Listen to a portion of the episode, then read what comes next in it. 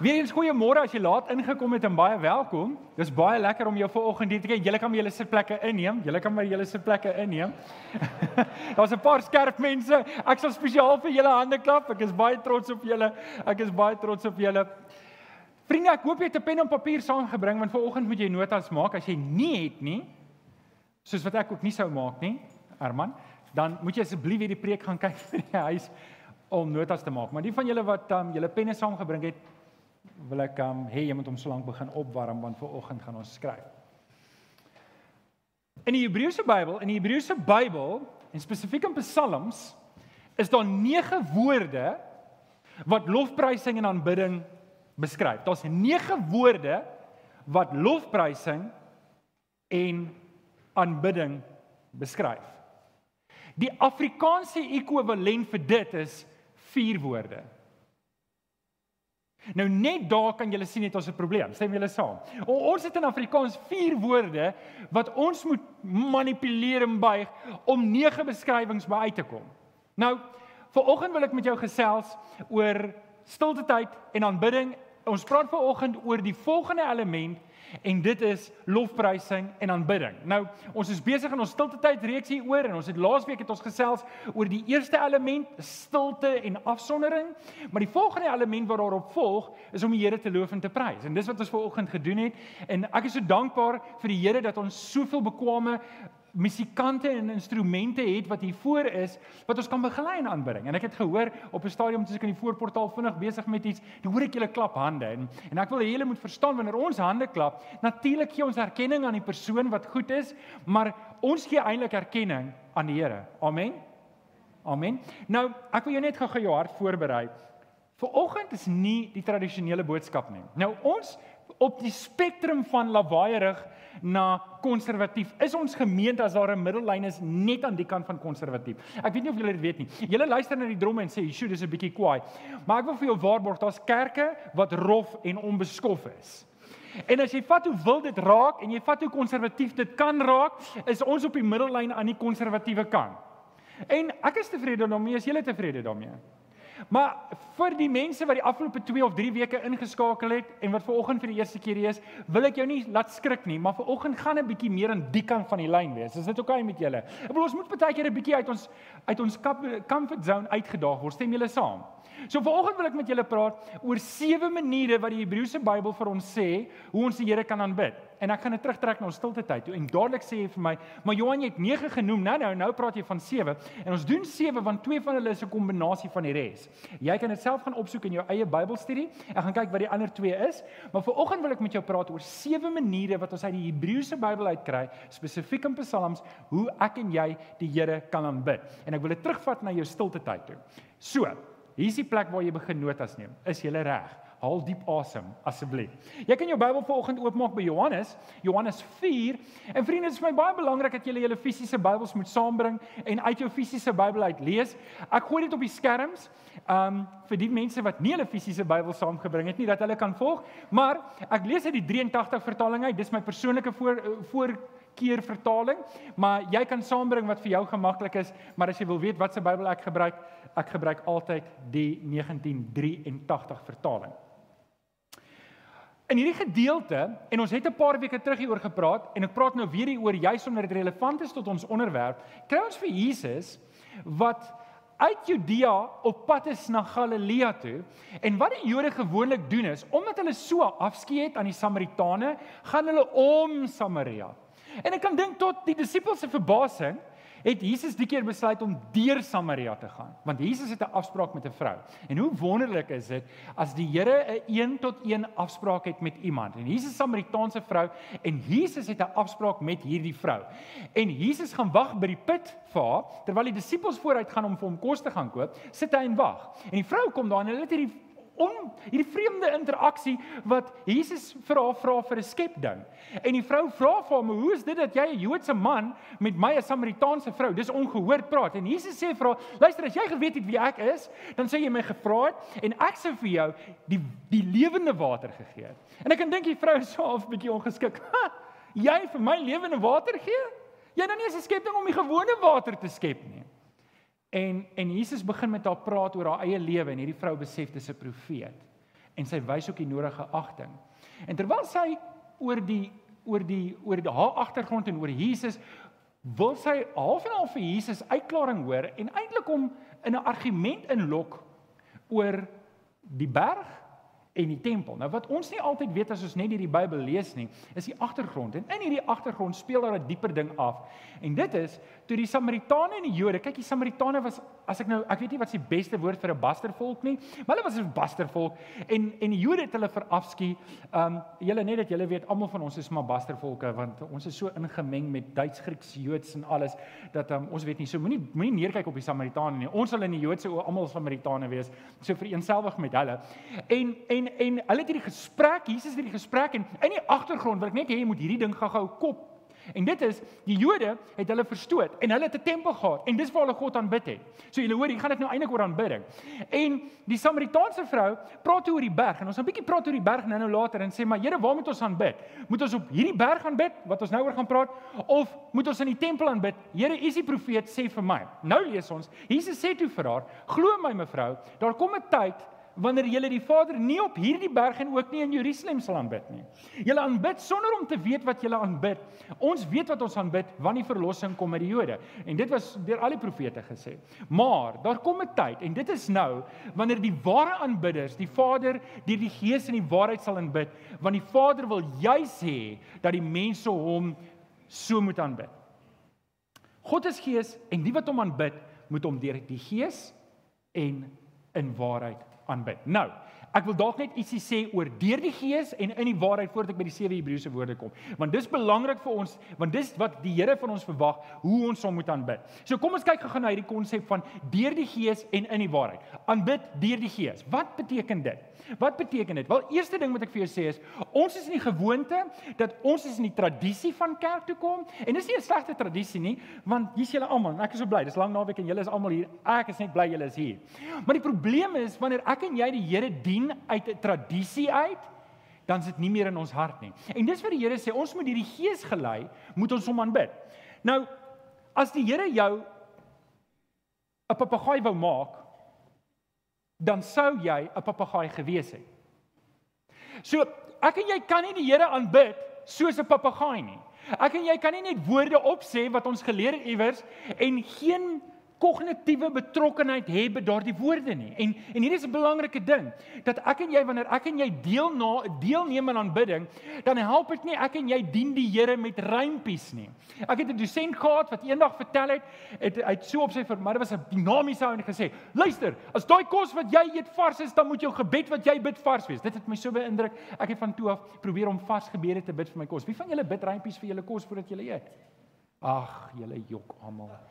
Daar's 'n paar eerlike mense. En ek was so beïndruk daarmee. Ek kan onthou, ons is die Vrydag aand, eet ons saam met my paale en die mense wat kom kuier het, het pizza gekoop. En nou het ek half en half 'n probleem. Ek ken nie die hande wat dit voorberei het nie. Ek sou wou bid seën die hande wat dit voorberei het en ek en ek bid 'n nuwe en 'n vars gebed en ek bid Here seën die sakke wat hiervoor betaal het. Baie beïndruk met myself, 'n vars gebed vir vars kos. En my pa roep my na die tyd eenkant en hy sê vir my Johan, jy kan nie so bid nie. Ek sê natuurlik. Die kos is vars, die gebed moet vars wees. Hy sê ja, maar jy kan nie die oue sakker noem nie. Okay, so ek en jy kan nie die Here vir die van julle wat dit gemis het, hy het gehoor sakker in plaas van sakke. So die sakker wat jy vir betaal. Anyway, so kom ons kyk net gou-gou na die berg. So die berg waarna hier verwys word is die bergreeks tussen wel Gerizim en Ebal. En en die Samaritane het eintlik 'n punt beet gehad toe hulle gesê het, maar ons aanbid die Here op die berg en julle het 'n handgemaakte tempel.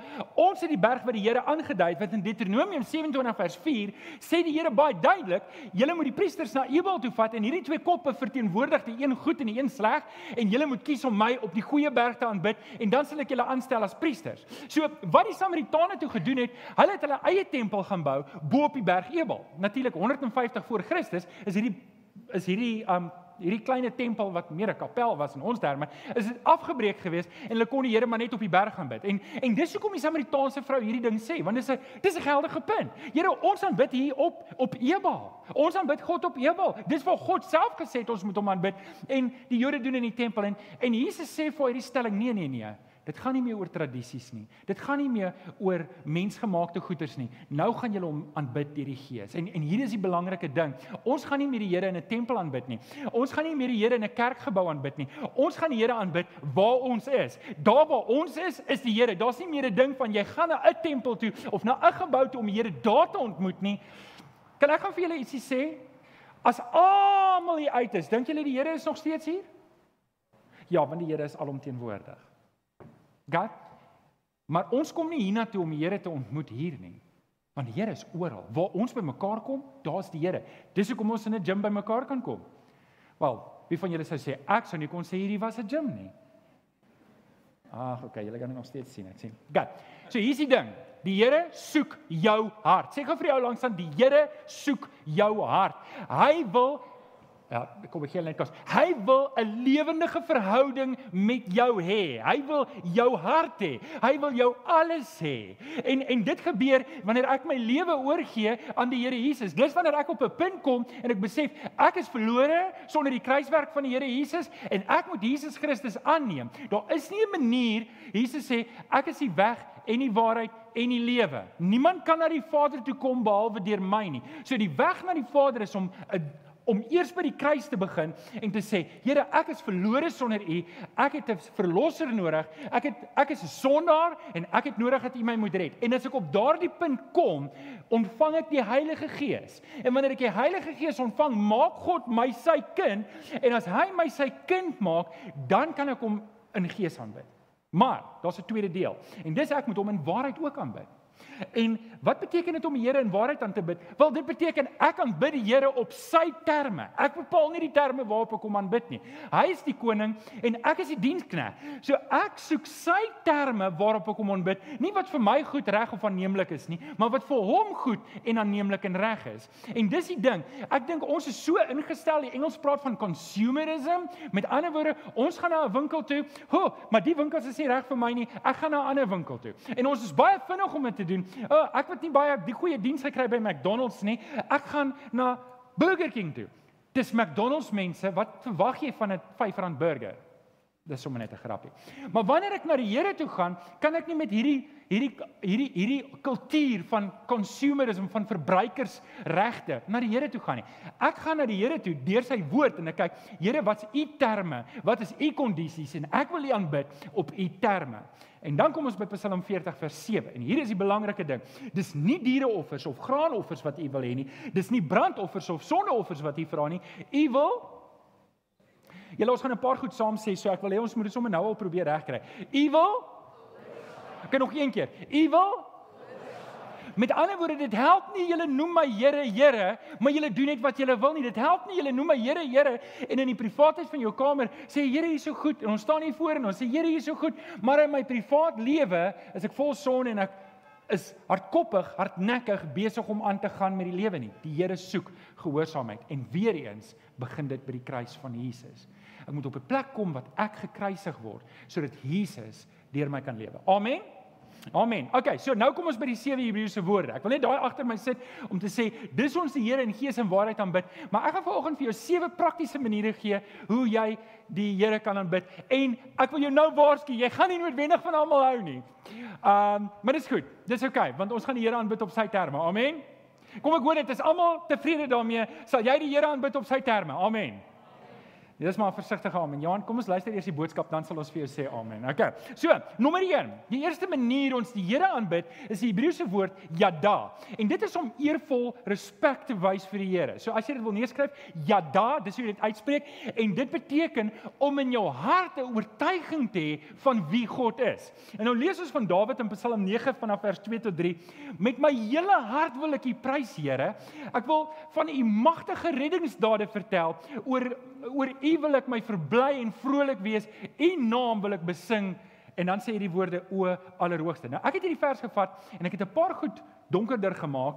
Ek weet nie hoe effektief was ek daar nie sodat jy net 'n paar woorde kan sien daarso. So kan jy sien wat se eerste woord daar?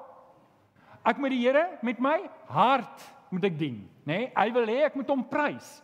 Dan moet ek van sy magtige reddingsdade, nie net enige dade nie, van sy reddingsdade. Wie van julle onthou die dag toe die Here jou gered het? Wie van julle onthou daai dag?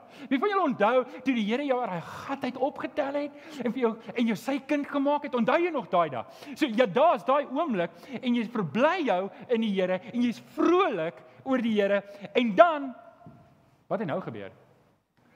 Dankie Rian. ek wou net jy's weggehaat het. en dan besing ek hom as die allerhoogste. Nou, 'n paar jaar terug het ons 'n reeks gedoen, die karaktereienskappe van God. Wie onthou daai reeks?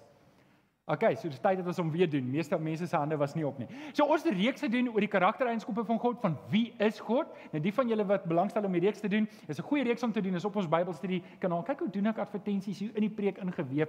Nou, hierdie reeks gaan oor wie is God? Nou, onthou nou, hier is 'n interne ding waar ek stil raak en ek dink na oor die Here. Wie is die Here? Dawid het nou gesê hy's die allerhoogste. Hy's die allerhoogste. Hy's die heilige. Hy's die almagtige. Hy's die alwetende. Hy's die liefdevolle een. En wanneer ek oor hierdie goeters begin nadink, dan kan ek nie anders as om op my knieë te gaan sak by die Here en diep beïndruk te wees met die Here nie. Wanneer laas was jy beïndruk met die Here? Wanneer laas was jy oorweldig met die Here se goedheid. sien en ja daar's waar jy begin. Ja daar's wanneer jy wanneer jy in jou kamer is en jy's net stil, nog niks kom by jou mond uit nie. Dis alles in jou hart en in jou verstand wanneer jy begin agterkom wie die Here is en jou hart begin borrel. Jou hart begin borrel en kan en ek dink vriende, dis iets wat ons te min doen. Ons doen te min van ja daar in ons stilte tyd om te dink oor wie God is. Want ons dink so aan die goed. Ek moet die Here nog vertel van my doktersafspraak wat ek het. Ek moet nog die Here vertel van my stikkende kar. Ek moet nog die Here vertel van my kinders se studies. Ek moet nog die Here vertel van daai verhoging en daai promosie wat ek graag wil hê. Ek moet nog die Here vertel. Hoorie ouens, dis nie waar ons begin nie. As ek my hart stil gemaak het, dis die eerste ding waar ek begin want hoor gou mooi en Jesus het gesê, alles wat jy nodig het, weet jou Vader klaar. Kan ek dit weer sê en dan kyk ons of ons 'n amen weer kan kry. Alles wat jy nodig het, enigiets, ek weet nie wat nou in jou hart is nie, maar die Here weet dit klaar. Dit klink bietjie beter. Word oorweldig met die Here se karakter wanneer jy oor hom nadink. Een van ons groot probleme is ons het 'n klein prentjie van God in ons gedagte en 'n groot prentjie van ons probleme. Dis nodig dat ek en jy gaan dink oor God dat ons oorweldig kan word met sy grootheid sodat ons ons probleme in konteks kan sien van ons groot God. Amen. OK. So word oorweldig. Ja da. Dis iets wat binnekant gebeur. Dis nog nie iets wat buite kan gebeur nie. Nou gaan ons aan. Nommer 2 is Touda. Touda is om die Here te dank. Dis om hom hardop te dank en te loof en te prys. Psalm 100 vers 1 sê as lees ons dis 'n dankpsalm. Dis die woord dis Touda. En dan sê hy die woorde juig tot eer van die Here almal op aarde. Nou ongelukkig sal julle sien dat die beste wat ons vertaling kon doen om die woord juig tot eer van die Here te beklemtoon was om 'n uitroepteken aan die einde te kan sit. Maar ons gaan nou-nou praat oor die woord juig en dan gaan jy sien 'n uitroepteken is nie genoeg om juig te beskryf wat in die oorspronklike Hebreëus staan nie. Maar ons sal nou-nou daarby kom. Ons fokus nou net eers op die dank Psalm. So ek en jy moet nie net nadink oor God se karakter nie, maar ons moet nadink aan wat die Here reeds gedoen het in ons lewe. Ons moet nadink oor die Here se getrouheid in ons lewe. Ons moet nadink dink aan die goedheid van die Here in ons lewe en wanneer ek en jy begin om 'n lys te maak en dis wat Dawid sê in Psalm 139 vers 18. Hy sê as ek hierdie dinge waar ek nou dink oor die Here sou opnoem en hy het dit gedoen, hy gebruik die hele Psalm om alles op te noem en dan sê hy hulle is meer as die sand en as ek klaar sou ek nog steeds oor hê. En en dis die ding. Kan jy dink as jy die Here op hierdie manier aanbid, gaan jy agterkom 5 minute se stilte tyd is nie genoeg nie. As jy moet begin sê, Here, ek wil eers nadink oor die karakter, ek wil dink oor wat U in my lewe gedoen het. Ek wil 'n dankpsalm sê, so ek begin hulle een vir een opnoem. Onthou julle ons het 1000 dankies gedoen? Tannie Sandra, daar is nog 1000 dankies by Tannie. So as jy 'n 1000 dankie boekie soek, dis gratis by haar. Dis 'n leeboekie wat jy elke dag net gaan neerskryf en dis 'n handige stukkie toerusting om in jou stilte tyd in te werk om neer te skryf van die Here se goedheid in jou lewe en vir elkeen dankie te sê. As jy dit doen, dan sê jy by tot daar. En dis wat jy doen in jou stilte tyd. Jy storm nie net in in die Here se teenwoordigheid en sê vir die Here, Here, al hierdie goeders nie. Jy begin hierso. Jy dink oor die Here se karakter en jy begin vir hom dankie sê vir alles wat hy gedoen het. Nommer 3. Barag. Barag. Julle geweet Hebreëus is een van die minder tale wat 'n ag klank het. Barag.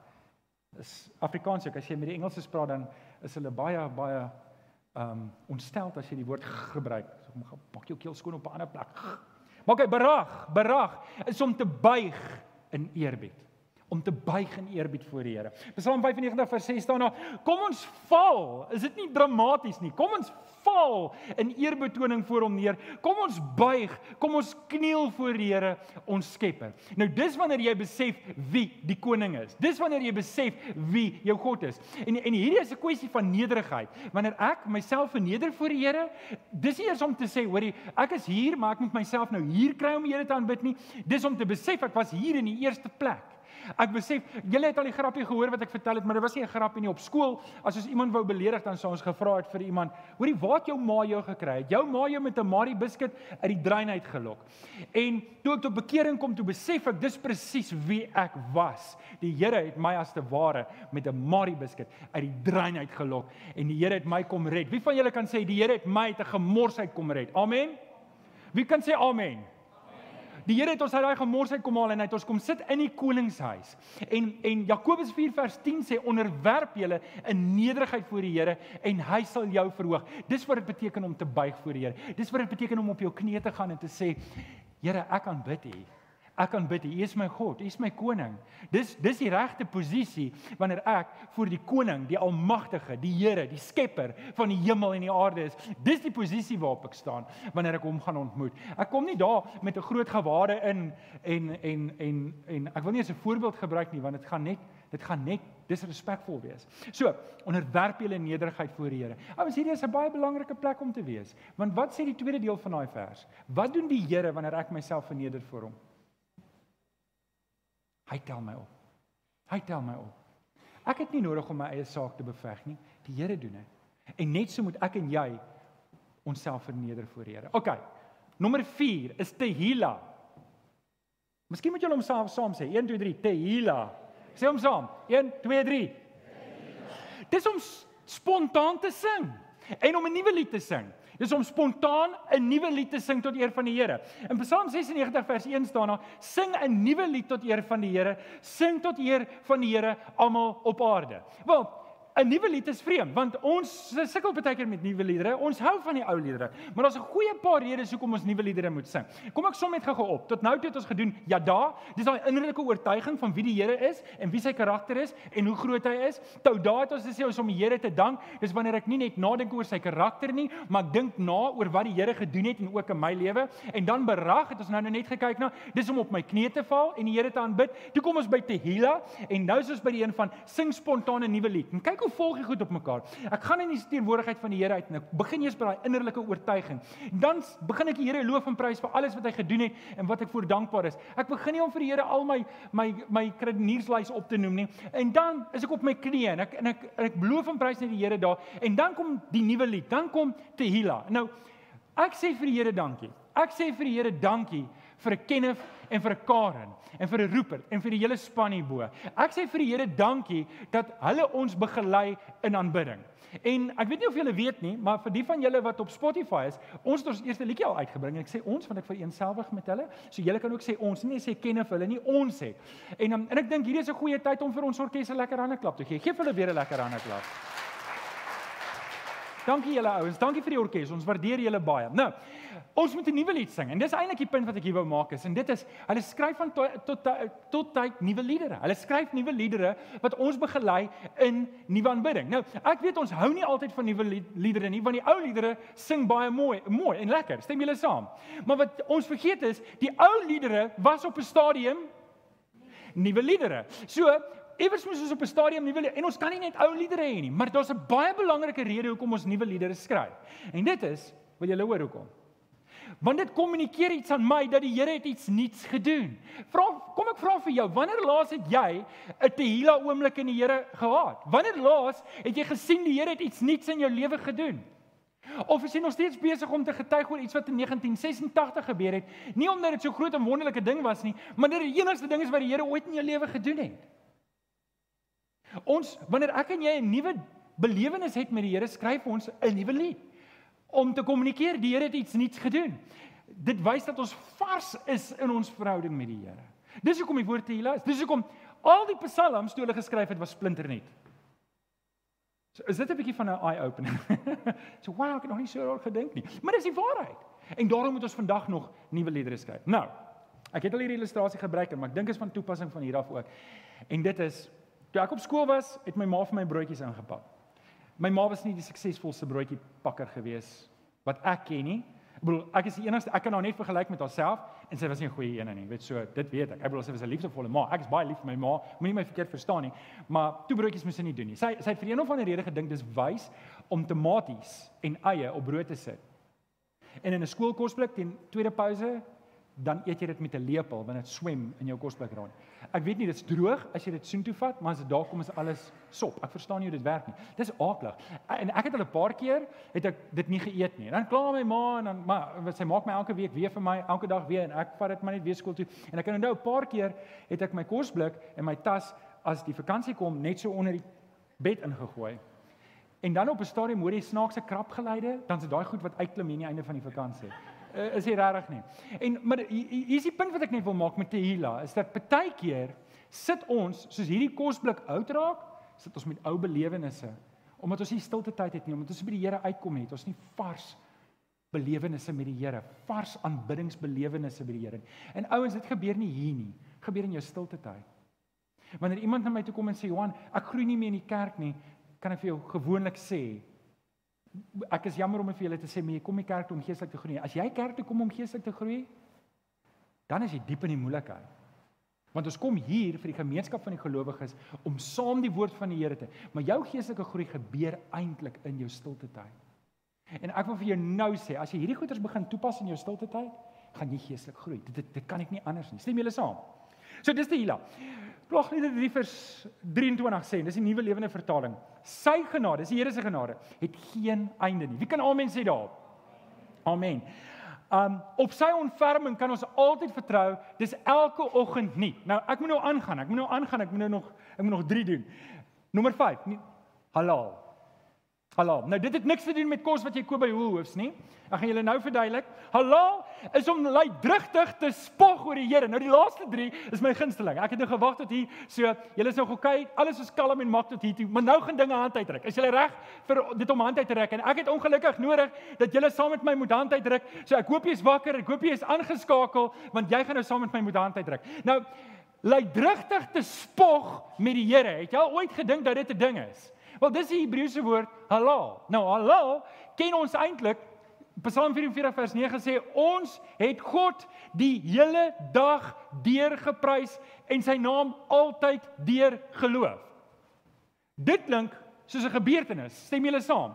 Dis 'n gebeurtenis as jy die hele dag loop en praat en sing van die Here.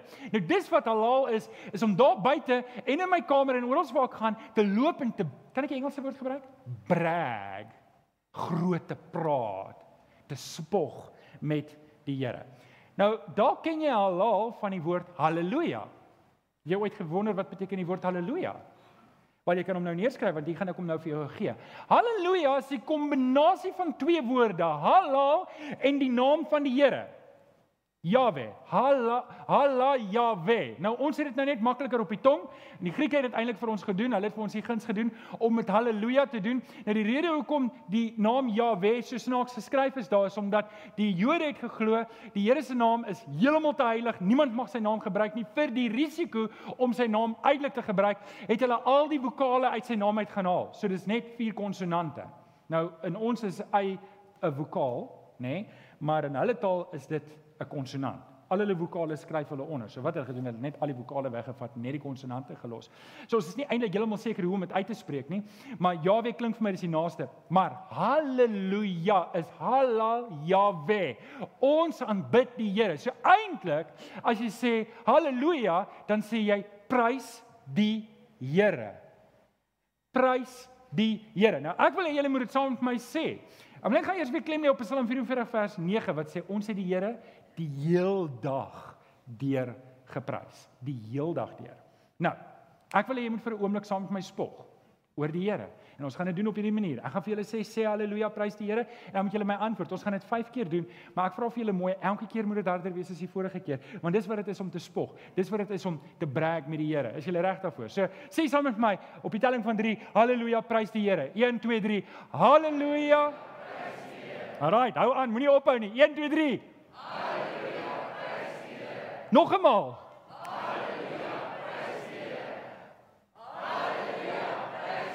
Nou moet julle opstaan. Nou moet julle opstaan want ons spog oor ons God. Sê vir my, wie vanoggend hier is gered?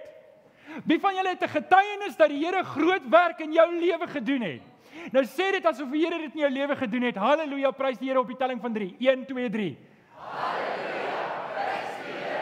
Amen. Jy kan sit. Jy kan sit. So dit is halal is om te brag met die Here, opgewonde te wees oor die Here. Maar jy kan dit net doen wanneer jy die ander in plek gehad het, wanneer jy gaan dink het oor die Here se karakter, wanneer jy gedink het aan wat hy gedoen het en jy staan verstom dat hierdie groot God ontmoet jou waar jy is. Nou ek weet nie van julle nie, maar ek weet wie ek is. Ek weet wie ek was en vir my om te dink die Here het sy hand uitgesteek na my is net totaal en al awesome rowend en daarom kan ek nie anders as om die heel dag deur te spog met die Here se goedheid nie. Amen. Amen. Okay, dit raak dit raak beter. Zamar. Zamar is om enige instrument te speel. Hoe stil is dit? Nee, Johan, jy gaan nie dit aan ons doen nie. En om te dans. Nou hier kom moeilikheid. Psalm 149 vers 3. Laat hulle sy naam loof in koordans. Hom psalm sing met tamboerijn en sitier. sien selfs die Afrikaanse vertalers het besluit, "Jene, ons moet nou nou 'n plannetjie maak want nou nou gaan die mense in die kerk dans. So ons gaan die woord dans vertaal met koordans." Nou, koordans het ons gemaak. Dis wanneer hulle so saam sing en hulle wieg so. Dis 'n koordans. Wie van julle het al gesien as die mense koordans? Kenneth doen so nou dan koordansie op sy eie ook. Ek ek spot sommer net. Kenneth, jy doen dit goed. Jy doen dit goed. Kenneth, Kenneth, jy moedig ons aan. Nou, Dis wat dis wat hier gebeur. Zamar is wanneer hulle die instrumente begin speel hier en wie van julle het al die ritme gevoel en jy voel, "Jena, as niemand nou gekyk het nie, het ek gedans." Wie van julle kry net nie daai gevoel nie? Wil ek gou sê nie. Dankie vir die eerlike antwoord Tannie. Ek waardeer dit. Nou oké, okay, dis nie almal se ding nie. Dis nie almal se ding nie. En onthou, hier is gelukkig in stilte tyd. Ons gaan dit nie hier doen nie. So asseblief hou jou in beheer vanoggend. Maar daai daai oomblik wanneer jy al hierdie goeders wat ons tot dusver bespreek het, besef en jy kan nie anders as om op te staan en te sê, Here, ek is so bly, ek is so opgewonde, ek is so dankbaar. En en wanneer jy soos 'n klein kindjie in die Here se teenwoordigheid net ons het altyd gesê bos gaan toe ons kinders is, maar net opgewonde wees. En weet jy wat? Wie van julle as ouers het, het jou kind al so gesien? Wat jou kind se opgewondenheid amper blaas 'n fuse in sy liggaam. Het jy al gesien dat hy net hy hy hy hy hy's net oorbluf oor daai geskenk. En dis daai oomblik wat ek en jy voor die Here het. Wat is net in opgewondenheid as 'n kind te kere gaan en sê Here, dankie, dankie. Dis wanneer ons nou ons kan nie almal instrumente speel nie, maar ek en jy kan musiek speel terwyl ek en jy die Here aanbid in ons kans. Nou okay, sing en dans, sing en dans. Is dit regtig Bybels? Is dit regtig Bybels? Nou ek wil vir julle net net 'n paar voorbeelde gee van hoe dit lyk. Ek breek myself uit asem uit vanoggend. 2 Samuel 6 vers 5. Dawid, hoor mooi, Dawid en die hele Israel het wat is hy volgende woord? Uitbundig. Kan almal net sê uitbundig. Uitbundig. Dawid en die hele Israel het uitbundig voor die ark en die Here gedans, begelei deur liere liedere, liere, harpe, tamboeryne, ratels en simbale. Ek weet nie of julle saam met my stem nie, maar dit klink soos 'n hengselawaai. En dit was nie die woorde van die Here en die hele volk het gedans en opgewonde wees. So as jy in jou stilte tyd voel jy wil dans en dit lyk laf, maak nie saak nie. Jy maak die Here se hart bly wanneer jy dit net laat gaan en wanneer jy net opgewonde is en bly is en dankbaar is in die Here. En dit bring ons by die laaste ene en dit is Shabbat. Jy spreek dit uit as 'n Shabbat om 'n oorwinning uit te roep en te juig. Dawid sê in Psalm 31 vers 8: Ek wil jubel en juig oor u troue liefde. Wanneer ek nadink oor die Here, ek kan nie ek ek kan dit nie saggies doen nie. Ek kan nie saggies juig nie. Niemand kan saggies juig nie. Psalm 20 vers 6 sê Dawid, ons sal juig oor die oorwinning in die naam van ons God, die vaandels ontplooi. Nou ek wil julle 'n storie vertel. Ek wil julle 'n storie vertel van hoe lyk Shabbat. Ek kan onthou in 2007 was ek in Vrystaat gewees. Dit was 'n jaar net voordat ons Kaap toe gekom het en en ek sal dit nooit vergeet nie. Ons het ten duurste het ons op die halflyn kaartjies gekoop vir die eindstryd tussen die leeu's en die cheetahs. Dit was die laaste jaar tot op geskiedenis wat die Cheetahs die Karibeker gewen het. En ek was daar gewees op die halflyn. En ons het hempies laat print en ons het daar gegaan, ons het ons hoedjies aangetree en en en dit was dit was dit was net 'n belewenis. En wat min mense weet wat julle dalk sal onthou is 2 minute, 2 minute voor die eindfluitjie geblaas het toe die leeu se fout gemaak en die telling was gelyk op en daai skop sou die verskil maak. Nou, as jy gesit het waar ons gesit het op die halflyn, het jy gesien die die die helling was heeltemal skeef dat dit was een van die moeilikes en ons het hom generaal de Waal genoem. Wie van julle onthou nog vir generaal de Waal? En generaal de Waal moes daai bal oor die paal plaas om die punte te verseker dat die Cheetahs kan wen.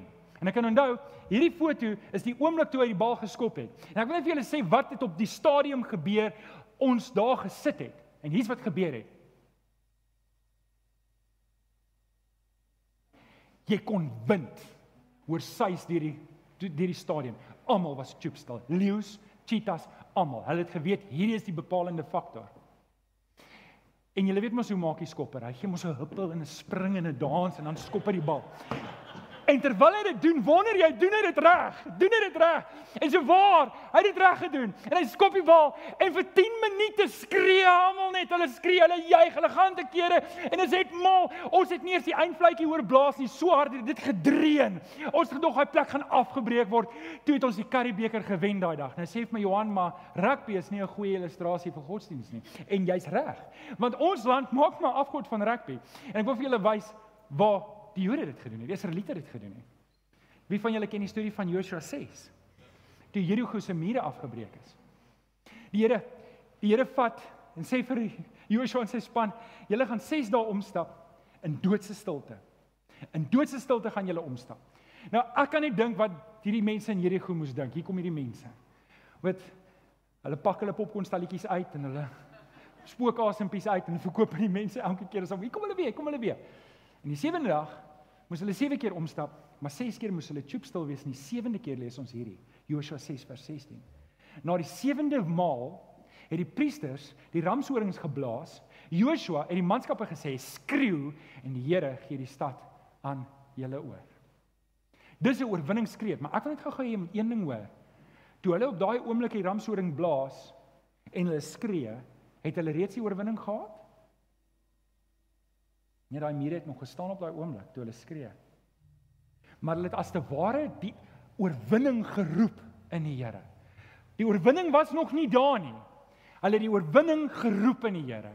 En ek wil hê jy moet dit vanoggend hoor want dalk het jy nodig om dit te hoor want dalk is daar iets in jou lewe waarmee jy sukkel en jy het nog nie oorwinning gekry nie. En sê maar ek kan nie skree van oorwinning nie. Dalk net moet jy die oorwinning klaar roep en klaar juig en klaar skree en klaar opgewonde wees om te sê dis die Here wat my die oorwinning gee. Dis die Here wat vir my die oorwinning gaan gee. Dis die Here wat my is dit sonde in jou lewe waarmee jy vanoggend sit en jy sukkel om deurbraak te kry. Ek wil jou uitdaag om in die Here Jesus jou oorwinning te roep en op te staan en te sê Here Ek weet jy het vir my oorwinning klaar gegee. Ek is meer as 'n oorwinnaar deur Christus wat my die krag gee. Ek roep daai oorwinning. Ek gaan staan in my oorwinning. Ek gaan leef in oorwinning. Partykeer lewe ons in jammer vir die Engelse woord soos 'n klomp losers. En dis klaar. Ek en jy moet leer om te shabag. Om in die Here ons oorwinning te leef. En dit gaan saam met 'n oorlogskreet. Nou ons het ver oggend 'n laaste lied hierso. En ek wil jou nooi om saam met my te sing, maar ek wil hê jy moet opstaan met een intensie en dis om 'n oorwinning in die Here aan te kondig in jou eie lewe. Alles wat jy nodig het om mee te leef in hierdie lewe. Moenie toelaat dat die vyand jou denke so beïnvloed dat jy lewe soos 'n verloorder nie. Ek wil hê jy moet om, saam met my opstaan, maar jy mag net opstaan en sing as jy die intensie het om te sing soos 'n oorwinnaar vanoggend.